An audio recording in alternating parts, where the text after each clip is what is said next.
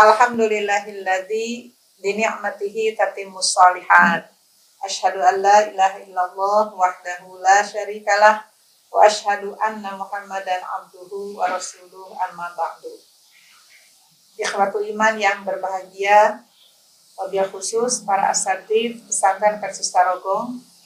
Alhamdulillah kita bersyukur kepada Allah yang telah memberikan banyak nikmat dan mudah-mudahan kita termasuk yang mensyukuri nikmat-nikmat Allah. Amin. Pada kesempatan ini kita masih terus mengkaji Al-Quran dan tafsirnya surat Al-Waqi'ah. Pada kesempatan yang lalu kita sudah menyelesaikan beberapa bahasan. Insya Allah pada hari ini kita akan melanjutkan. Eh, bahasan kita masih pada kelompok kedua dan yang kemarin sudah disampaikan adalah bagian satu dan dua sedikit saja mengulas mengulang yang telah disampaikan kemarin bahwa kelompok dua ini menjelaskan tentang kenikmatan-kenikmatan Allah untuk as-sabiqun.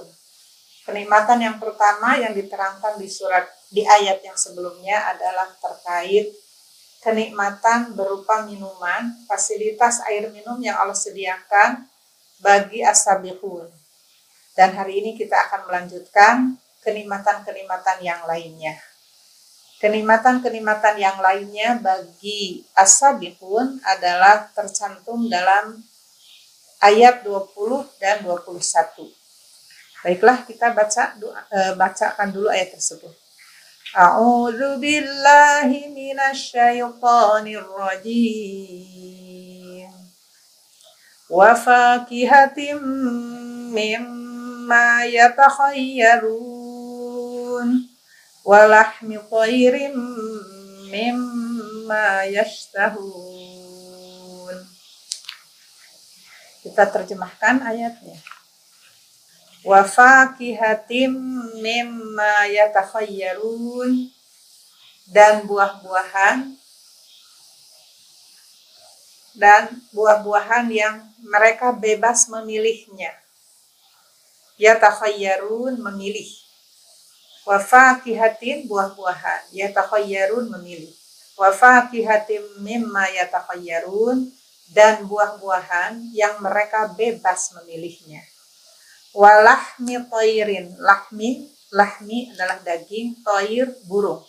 Yashtahun inginkan. Walahmi toirin mimma yashtahun dan daging burung yang bebas mereka menginginkannya dua ayat ini berdasarkan kandungan dari dua ayat ini yang dijelaskan adalah tentang kenikmatan dari sisi makanan. Makanan yang disediakan oleh Allah khususnya bagi as-sabiqun adalah fakihah dan lahmi tayr wa fakihatim mimma yatakhayyarun wa lahmi tayrim mimma yashtahun menggambarkan tentang makanan yang Allah sediakan di surga yaitu buah-buahan dan lahmi tayrim. Di dalam ayat ini menjelaskan tentang makanan unggulan yang diterangkan dalam ayat ini dalam 2021 ini tentang makanan utama, makanan yang diunggulkan oleh Allah bagi mereka para as-sabiqun. Baiklah kita eh, kaji beberapa hal yang perlu kita ungkap dari kalimat-kalimat yang ada dalam ayat ini. Yang pertama mengenai penggunaan kata yatakhayyarun dan yashtahun. Yatakhayyarun digunakan mendampingi fakihah yastahun untuk mendampingi lahmi tayrin. Dari keduanya ada perbedaan pemilihan kata. Yatakhayyarun dan yastahun. Dan untuk menambahkan saja ini, bahwa untuk fakihah pada kenyataannya di dalam Al-Quran, kedua kata itu digunakan untuk fakihah jadi fakihah itu ada kalanya menggunakan ya takhayyaru, kalimat yang mengikutinya itu dan yastahun ada pada surat lain untuk uh, yashtahun untuk fakihah di antaranya dalam surat Al-Mursalat. Sedangkan lahmi toir itu yang digunakan hanya lafad yashtahun saja.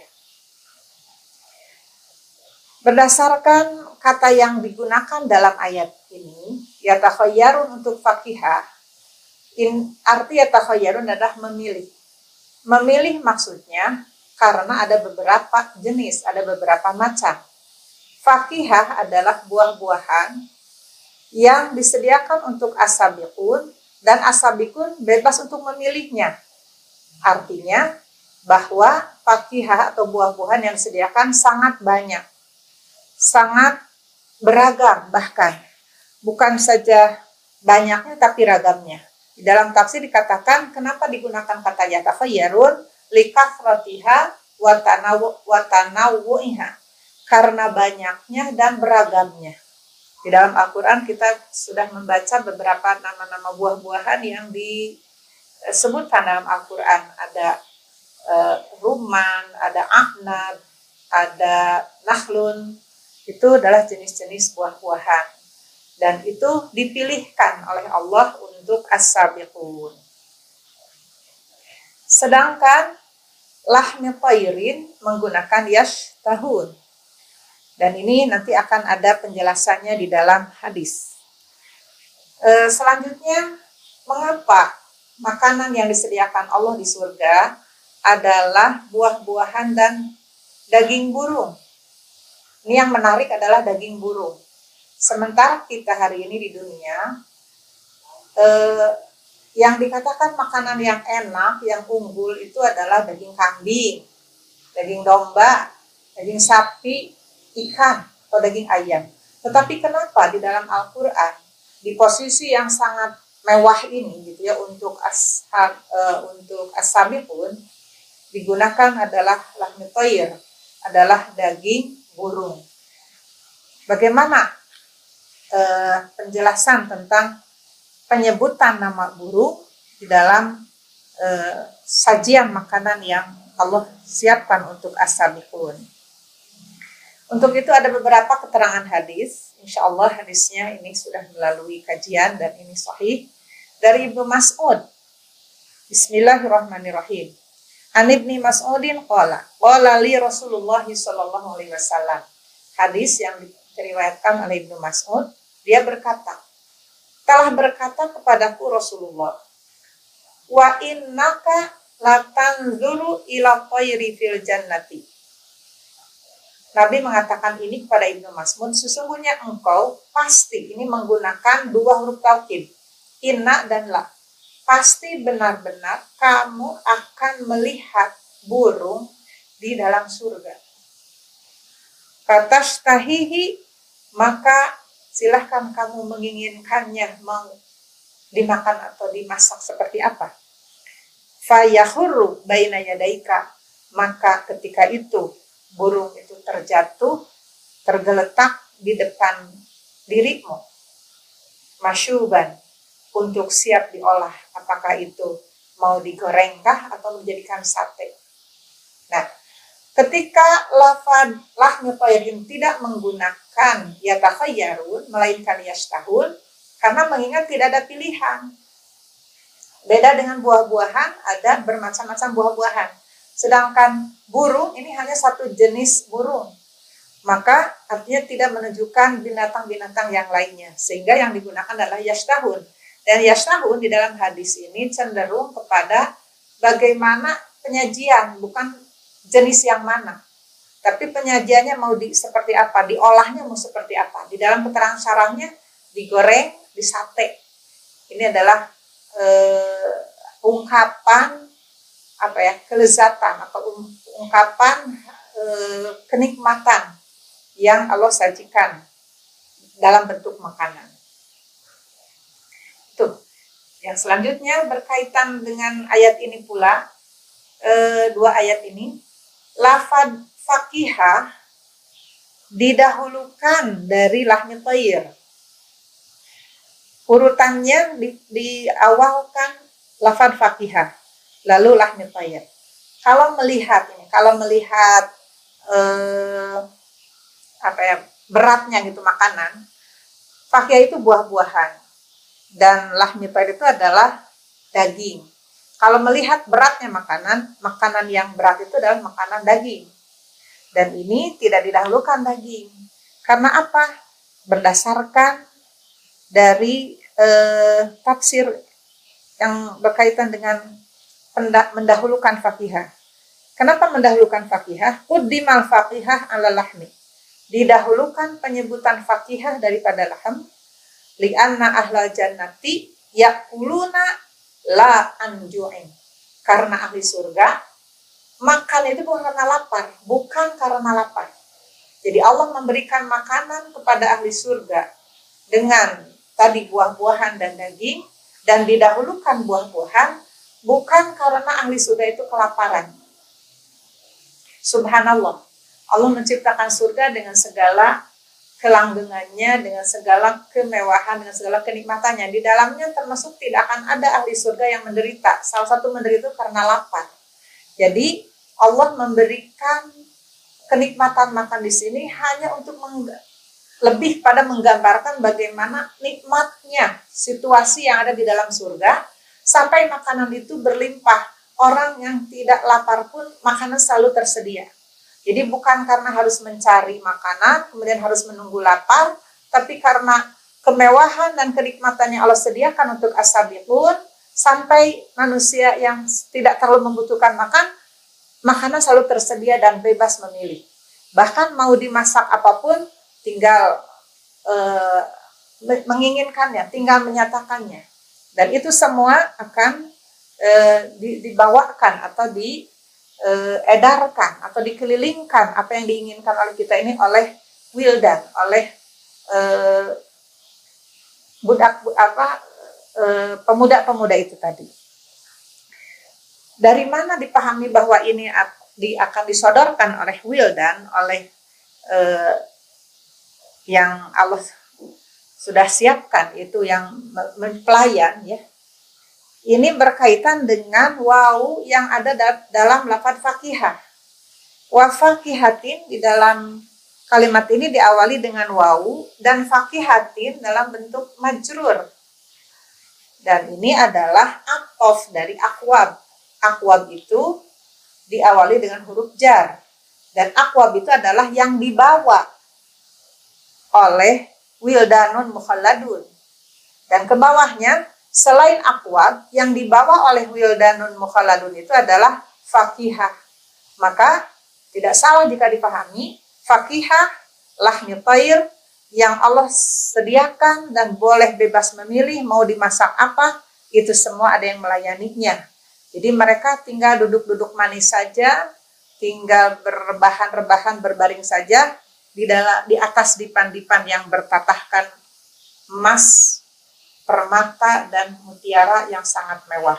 Tidak lain ayat ini adalah menjelaskan tentang kemewahan sisi lain dari surga yang disiapkan oleh Allah untuk as yakni berupa makanan. Itu yang diterangkan dalam ayat 20 dan 21. Selanjutnya, masih kelompok dua ini, kita akan lanjutkan pembahasan pada bagian yang keempat, yang keempat adalah terdiri dari ayat 22 sampai 24. Baik, sebelum kita jelaskan, kita bacakan dulu ayatnya. Wahurun ain ka'amsalil lu'lu'il maknun jaza'am bima kanu ya'malun wahurun dan bidadari yang cantik, yang putih dan bermata belok, bermata besar. Artinya menggambarkan eh, kecantikan. Ka'amsalil lu'lu'il maknun. Seperti perumpamaan mutiara yang tersimpan dengan apik yang terjaga dengan baik. Jazaa'am bima kanu ya'malun sebagai balasan dari apa yang mereka lakukan. Di kelompok dua ini bagian yang keempat ayat 22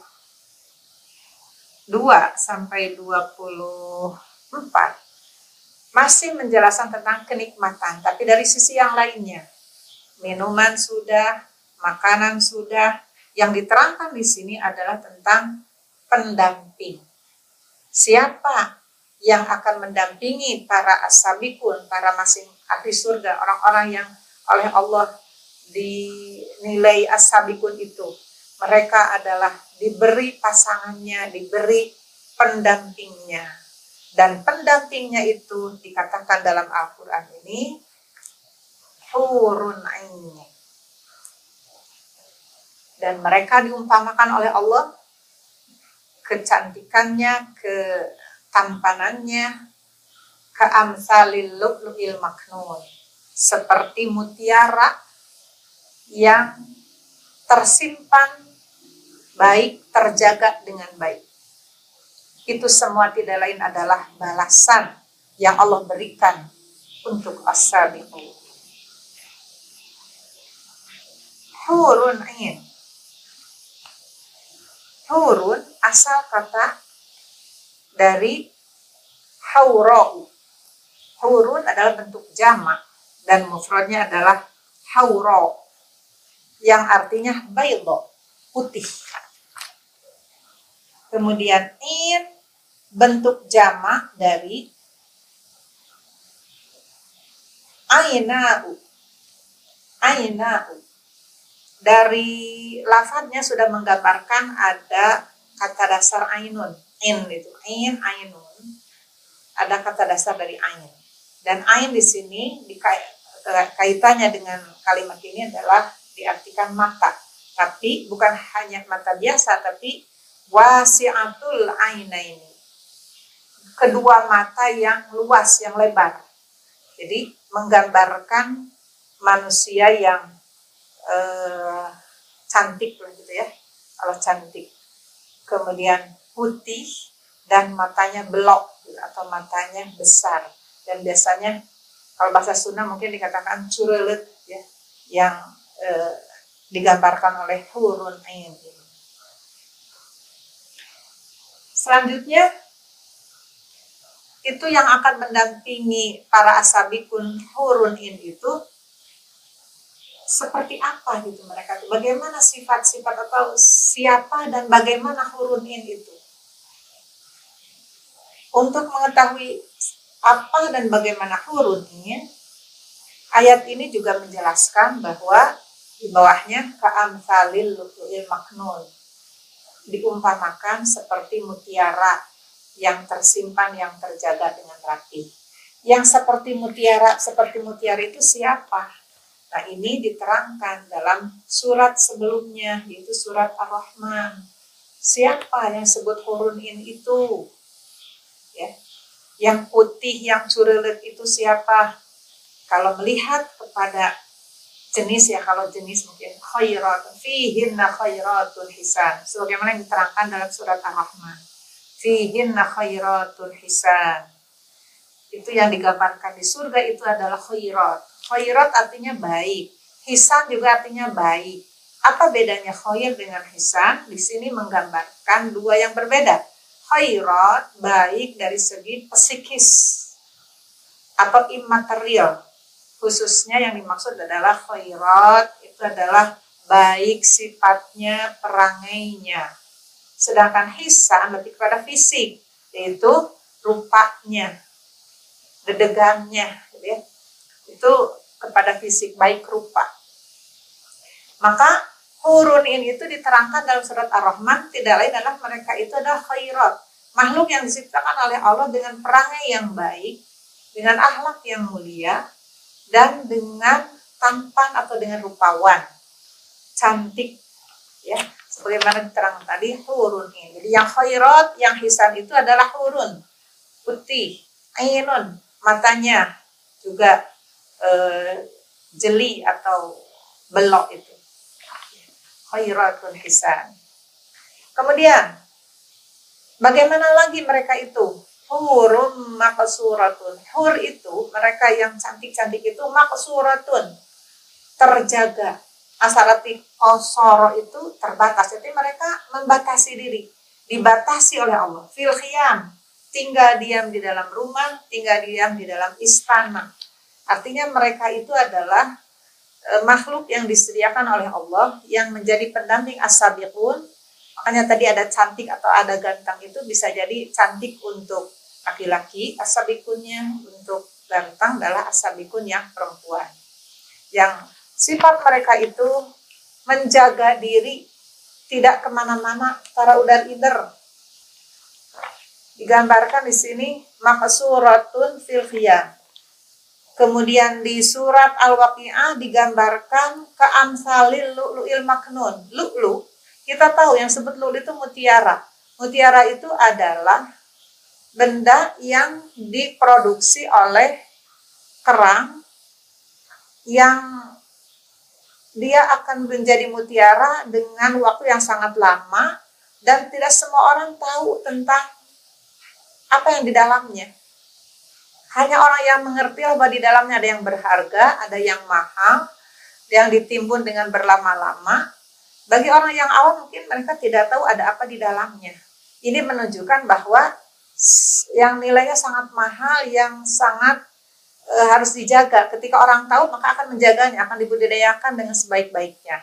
Nah, hurun in yang dijadikan pendamping as-sabikun itu bagaikan itu mutiara. Artinya tidak sembarang orang yang bisa menyentuhnya, tidak sembarang orang yang bisa mendekatnya.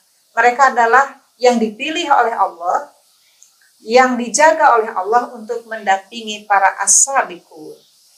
Al-maknun ini adalah yang tersimpan, yang eh, ter yang ada di dalam yang sangat terjaga. Kamsalil lu'lu'il maknun. Mengenai sifat lain dari uh, hurun, ya, ya, selain tadi kaamsalil lu'lu diserupakan dengan mutiara, di surat lain dalam surat As-Saffat ayat 39 diserupakan dengan yang lain yaitu dengan e, benda lain. Ka'annahunna baydum maknunun. Mereka diumpamakan seperti hanya telur. Telur yang Allah ciptakan dengan e, di dalamnya ada dua bagian, dua warna, putih dengan kuning, dan itu tersimpan, terjaga rapi sampai akhirnya bisa menetas atau bisa bertahan menjadi sebuah wujud telur yang bermanfaat bagi manusia. Nah, yang kuningnya itu ketika terjaga rapi maka akan e, mengembang biakan atau menetaskan keturunannya. Itu karena terjaga dengan rapi. Seperti telur. Jadi diumpamakan seperti telur, diumpamakan seperti alulu yang e, hurun ini yang akan mendampingi para as-sabiqun.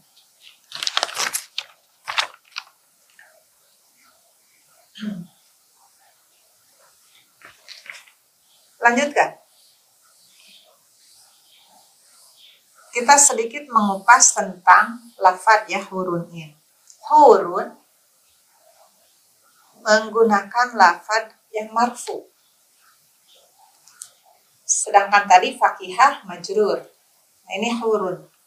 Bagaimana posisi hurun dalam ayat ini? Ya. Itu ada dua pendapat. Yang satu menyatakan bahwa wahurun in atau ke wildan. Jadi yatufu alaihim wildanun wahurun in yatufu alaihim wildanun wa hurunin. Jadi hurunin juga adalah yang yatufu, yang beredar, yang bergerak atau yang berkeliling di dalam e, komunitas para asabikun. Dan kelompok satu menyatakan bahwa itu adalah mubtada dan khobarnya dibuang sehingga menjadi seperti ini walahum hurun ain. Dan bagi mereka asabikun tentunya tadi yang diterangkan sebelumnya pasti menunjuk pada ayat sebelumnya didampingi oleh hurun ain. Nah, bagaimana ini pertentangan dari e, kedua pendapat ini?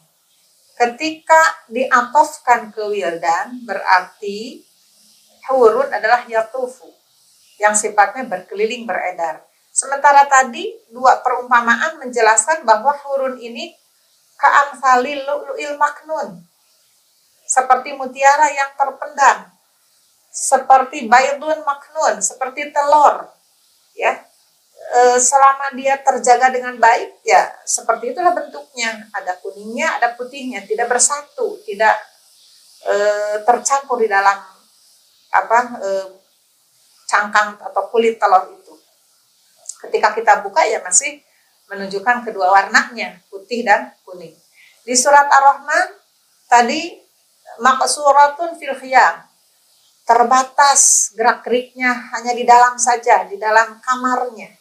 Sementara ini ya tufu alim danun dan beredar ke orang banyak. Nah ini kalau diartikan bahwa itu atau dimaknai itu adalah atop dari wildan, bisa jadi hurunnya itu tidak diam, tapi berputar berkeliling.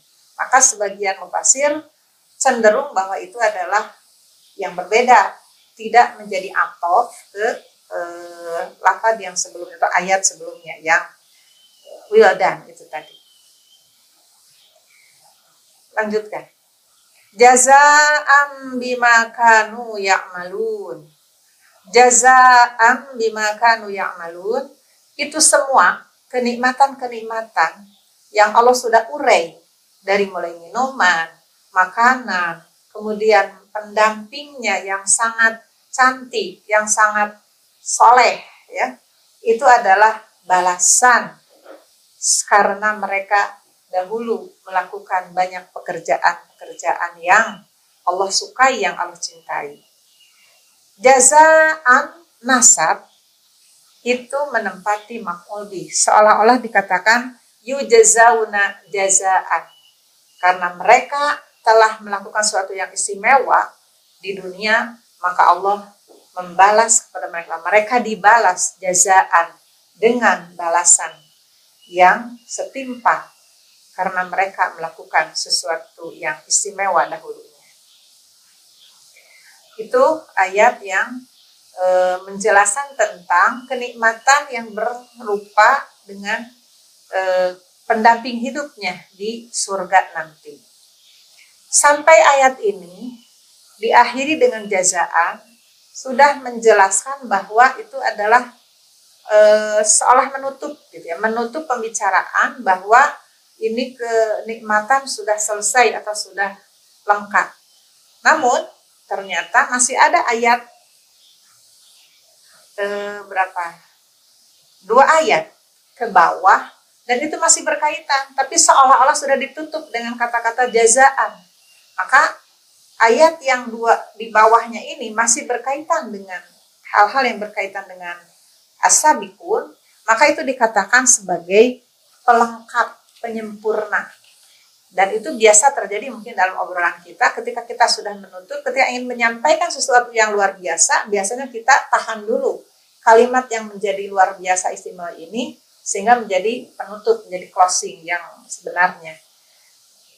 Yang manakah yang dimaksud penutup yang menjadi pelengkap itu adalah dua ayat, yaitu Yasma'una fiha lahwa wa la ta'fima illa qilan salaman salama. La yasma'una fiha lahwan mereka pun yang diberi bermacam fasilitas yang nikmat megah mewah ini mereka tidak akan mendengar hari ini besok besok besok kapan pun mereka tidak akan mendengar. Menggunakan film dore yang artinya terus menerus di dalam surga itu tidak akan pernah didengarkan laguan hal-hal yang tidak bermanfaat. Wala ta'fiman dan hal-hal yang akan menyebabkan dosa. Laguan secara bahasa artinya e, berasal dari lago. Arti lago ini adalah batal atau sia-sia. Jadi laguan adalah sesuatu yang batal, sesuatu yang sia-sia, atau sesuatu yang tidak harus ada. Jadi di dalam surga untuk pun disempurnakan kenikmatannya dengan bahwa mereka tidak akan pernah mendengar kapan pun hal-hal yang tak berguna, hal-hal yang tak harusnya ada. Dan mereka tidak akan mendengar hal-hal yang akan menyebabkan taktim, berpotensi dosa. La yasma'una fiha lahwa wa la ta'tima illa kecuali ilan salam ucapan kedamaian salaman yaitu kedamaian illa qilan salaman salama kecuali yang akan mereka dengarkan adalah kata-kata yang kata-kata yang damai dan mendamaikan.